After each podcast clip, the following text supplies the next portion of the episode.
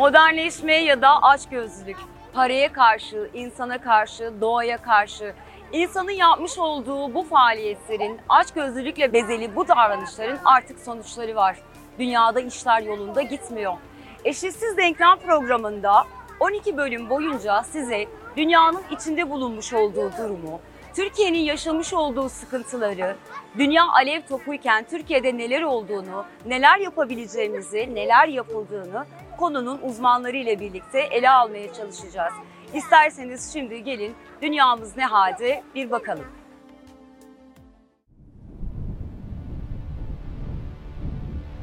Her gün çevremizde duyduğumuz, sadece yaşadığımız ülkeyle sınırlı kalmayan bir problemden bahsediyoruz.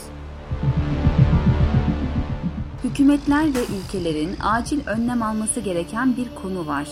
Emisyon değerleri. Emisyon kelimesi bize neyi açıklıyor? Neden bu kavramı öğrenmemiz gerekiyor? Emisyon sözlüklerde çıkarma, salma, serbest bırakma olarak tanımlanıyor. Yani çeşitli gazların atmosfere yayılması.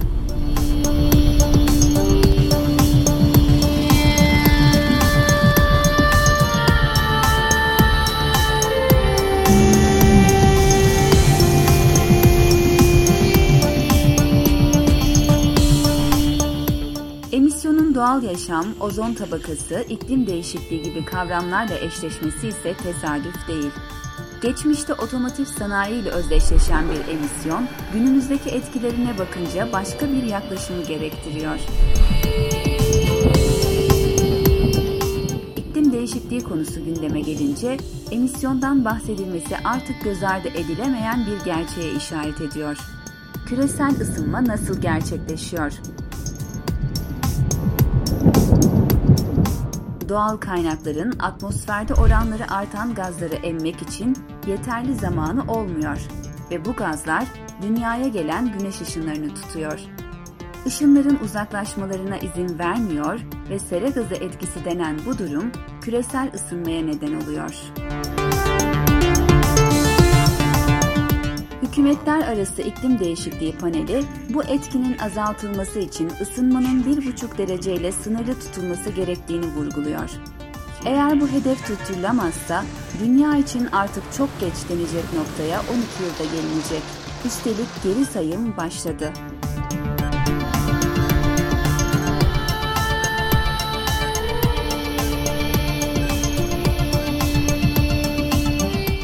My friends, this body, perhaps more than any other gathering in human history, now faces this difficult but achievable task. You can make history or you will be vilified by it. To be clear, this is not about just telling people to change their light bulbs or to buy a hybrid car. This disaster has grown beyond the choices that individuals make. This is now about our industries and our governments around the world taking decisive, large-scale action. Peki emisyon değeri kendi kendine mi yükseliyor? Hayır. Bu değerlerin artışında fosil yakıt tüketimi ve insan kaynaklı faaliyetler başsorumlu. Aslında sık sık duyduğumuz küresel ısınma ya da ısıtma bütün bu sürecin ufak bir parçası. Bütünün neden ve sonuçlarıyla ele almak için artık daha kapsamlı bir kavram kullanılmaya başlandı. İklim değişikliği.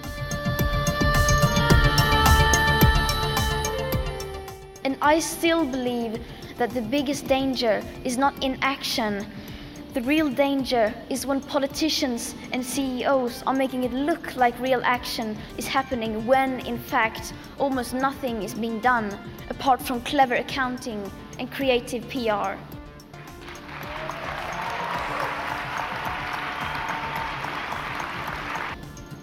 There is no sense of urgency whatsoever. Our leaders are not behaving as if we were in an emergency. In an emergency, you change your behavior.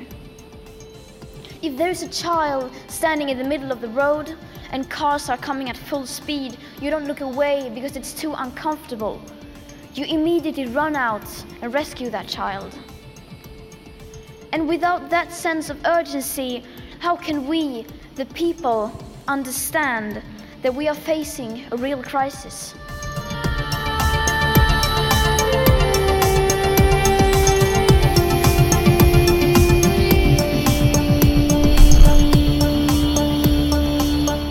Ancak konunun teknik olmaktan çıkması ve toplumsal karşılık bulması iklim değişikliği dememek lazım yorumlarına neden oldu. Önce medya kuruluşları mücadele etmemiz gereken uzun vadeli süreci iklim kaosu olarak ele almaya başladı. Bu durumu somutlaştırmak gerekirse iklim krizinin kısa ve uzun vadedeki sonuçları. Buzullardaki erimeler, biyoçeşitliliğin azalması, ormansızlaşma, kuraklaşma. Bunlara bağlı olarak afetler, göçler, gıdaya ve suya erişememe.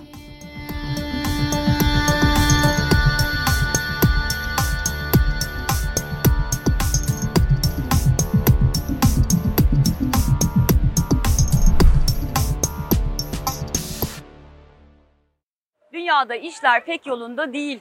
Yaraların sarılması gerekiyor. Canlıların çığlıklarının duyulması belki de.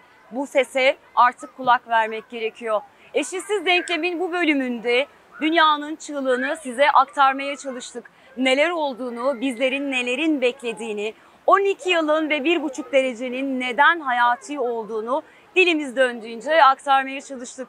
Önümüzdeki hafta eşitsiz denklemci hükümetler arası görüşmeleri, buna dönük uluslararası inisiyatifleri ve dünya için neler yapıldığını ele almaya çalışacağız. Bizi izlediğiniz için teşekkür ederiz. Hoşçakalın.